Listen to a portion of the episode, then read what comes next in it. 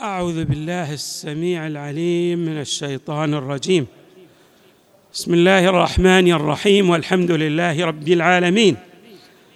والصلاة والسلام على أشرف الخلق سيدنا ونبينا محمد وآله أجمعين الطيبين الطاهرين. قال الله تعالى في القرآن الكريم إنما يريد الله ليذهب عنكم الرجس أهل البيت ويطهركم تطهيرا. صدق الله العلي العظيم.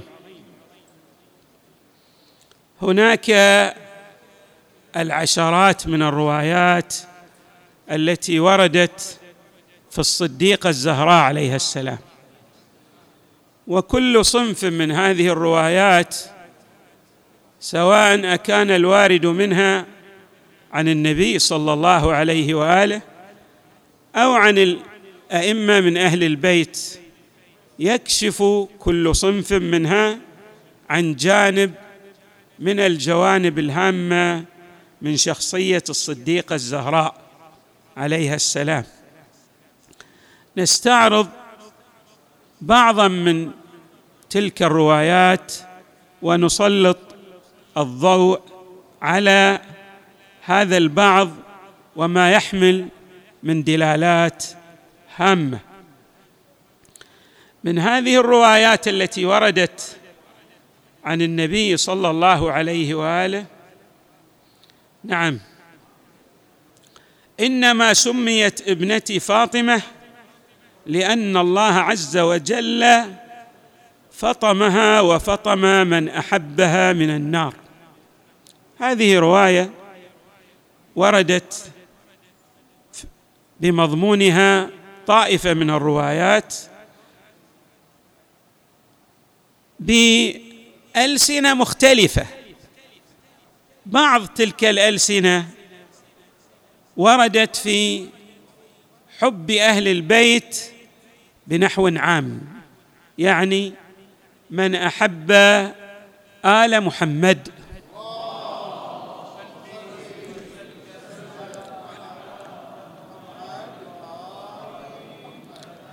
فطم من النار وبعضها ورد في من أحب الحسن والحسين أو من أحب عليا عليه السلام. ولكن يبدو من خلال التأمل في هذه الروايات يبدو لنا وجود رابط وثيق بين هذه الروايات بمعنى أنها تريد أن تشير إلى أن المعرفة لأهل البيت الذين أوجب الله تبارك وتعالى طاعتهم وافترضها على العباد كل لا يتجزأ. يعني كما أشارت بعض الروايات لا يمكن أن تنكر بعض أهل البيت عليهم السلام. مثلا تقول أنا أحب فاطمة ولكنني لا أبغض عليا عليه السلام. طبعا هناك من لا يصرح ببغضه لعلي عليه السلام ولكن يبدو من خلال كلماته أنه لا يرتاح لعلي عليه السلام وإن كان يشيد بفضل الصديقه الزهراء عليها السلام. غير أن الروايات كما أشرنا بين ألسنتها ارتباط وثيق بمعنى أن الحب والمودة لأهل البيت لا ينفصل بعضه عن بعضه الآخر. اذا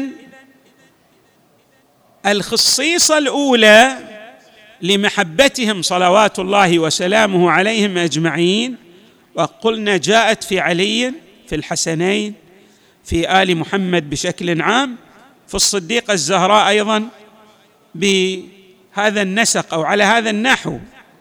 أن المحبة لهم وهي المودة التي وردت في القرآن الكريم تعطي الإنسان حصانه من النار.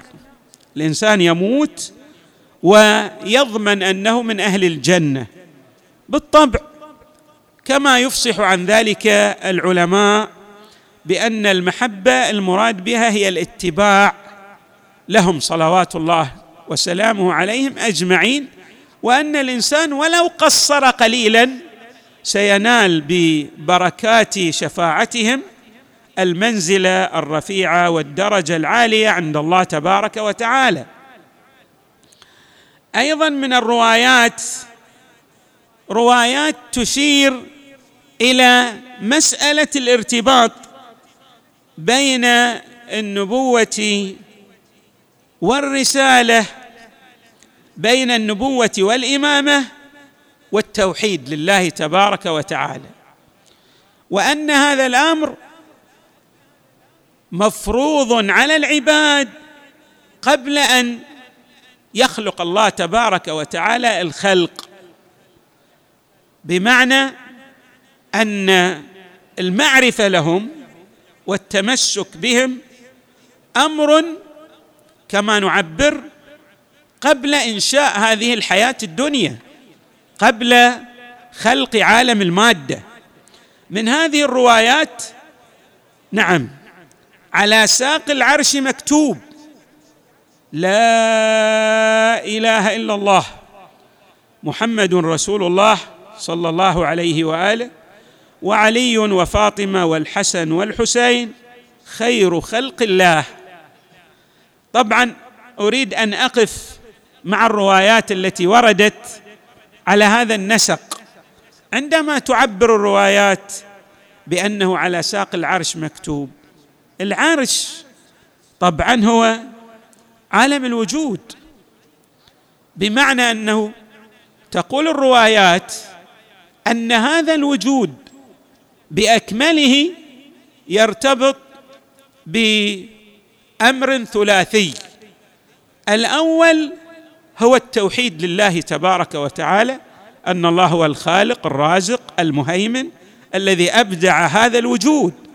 والأمر الثاني هو أن جميع هذا الوجود أيضا بأكمله يرتبط حتى الأنبياء من السابقين كما جاء في الروايات يرتبط بنبوة النبي صلى الله عليه وآله. وأيضا يرتبط بإمامة الأئمة من أهل البيت عليهم السلام. والروايات التي وردت في هذا الشأن من أن آدم توسل بهم وغفر له وهي في مصادر الفريقين تدلل على هذا المعنى بمعنى أن جميع عالم الوجود يرتبط بالتوحيد وبالنبوة للنبي صلى الله عليه وآله وبالأئمة من أهل البيت صلوات الله وسلامه عليهم أجمعين. نعم. أيضا هناك طائفة من الروايات تشير إلى فضلهم وتشير يعني من جانب فيه إيضاح وخفاء. سأشير إلى معنى الإيضاح والخفاء.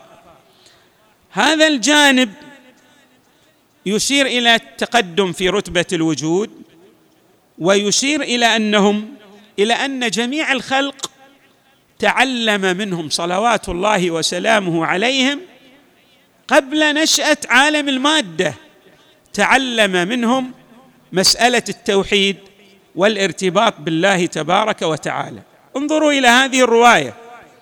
المصطفى صلى الله عليه وآله إن الله خلقني وخلق عليا وفاطمة والحسن والحسين قبل أن يخلق آدم عليه السلام حين لا سماء مبنية ولا أرض مدحية ولا ظلم ولا نور ولا شمس ولا قمر ولا جنة ولا نار. فقال العباس عم النبي فكيف كان بدء خلقكم يا رسول الله؟ صلى الله عليه وآله. فقال يا عم لما أراد الله أن يخلقنا تكلم بكلمة خلق منها نورا ثم تكلم بكلمة أخرى فخلق منها روحا ثم مزج النور بالروح فخلقني وخلق عليا وفاطمة والحسن والحسين فكنا نسبحه حين لا تسبيح ونقدسه حين لا تقديس. وهذا يدلل كيف نسبحه حين لا تسبيح؟ يعني أن من عرف تنزيه الحق تبارك وتعالى انما عرفه عن طريق محمد وآل محمد.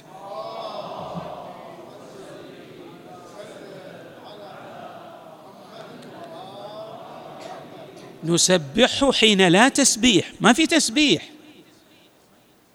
ونقدسه حين لا تقديس. هذه تتميم للمطلب بمعنى أن التنزيه الخالص لله وعمق التوحيد يرتبط بهم صلوات الله وسلامه عليهم أجمعين وأنه لا أحد من الخلق يصل إلى هذه المرتبة. هناك تقدم رتبي ووجودي كما يشير الحكماء لهم صلوات الله وسلامه عليهم أجمعين. نعم وفي الرواية أيضا تتم خلني أشير إلى الجانب الظهور والجلاء وجانب الخفاء. جانب الظهور يرتبط كيف معرفة الحق تبارك وتعالى يعبر عنها الحكماء بهذا التعبير الجميل. يقولون إن الله هو الظاهر والباطن. يعني في ظهوره وتجليه يختفي وفي اختفائه تجل وظهور. هذا شرح بأكثر من شرح وأوضح بأكثر من إيضاح. بأن الله تبارك وتعالى لا نحتاج أن ندلل عليه بدليل فهو أظهر من الظهور للظاهر في المظاهر كما يعبر الحكماء. أيضا هذا الخفاء في أحد الشروح إنما يكون لمن لم يدرك لم يسر على الطريق المستقيم لم يأخذ بالهداية. وأيضا في شرح آخر بأنه مهما بدا لك من المعرفة فأنت قاصر فهي ظهور ولكن أيضا لا تستطيع أن تصل إلى كمالها لأنه لن يصل إلى إدراك عمقها إلا هم صلوات الله وسلامه عليهم أجمعين. هذا الخفاء والظهور. أيضا في تتمة لهذا المعنى عن إمامنا الباقر عليه السلام. يشير إلى الصديقة الزهراء بنحو خاص. طبعا بعض الروايات التي وردت في شأن الصديقه الزهراء عليه السلام تريد أن تدفع لبس وتزيل إيهام. ما هو ذلك اللبس والإيهام؟ إلى يوم الناس هذا عند كثير من الناس أن المرأة لا تصل إلى مقامات. لكن كما يفصح القرآن في شأن بعض النساء الله تبارك وتعالى خاطبهم. وإن لم يكونوا أنبياء كأم موسى يعني أوحى إليهم. وهذا وحي خاص ولطف خاص من عند الله تبارك وتعالى. وأيضا كما كان للسيدة مريم عليها السلام وبالنسبة للصديقة الزهراء فهي أفضل من جميع الخلق يعني حتى من الرجال.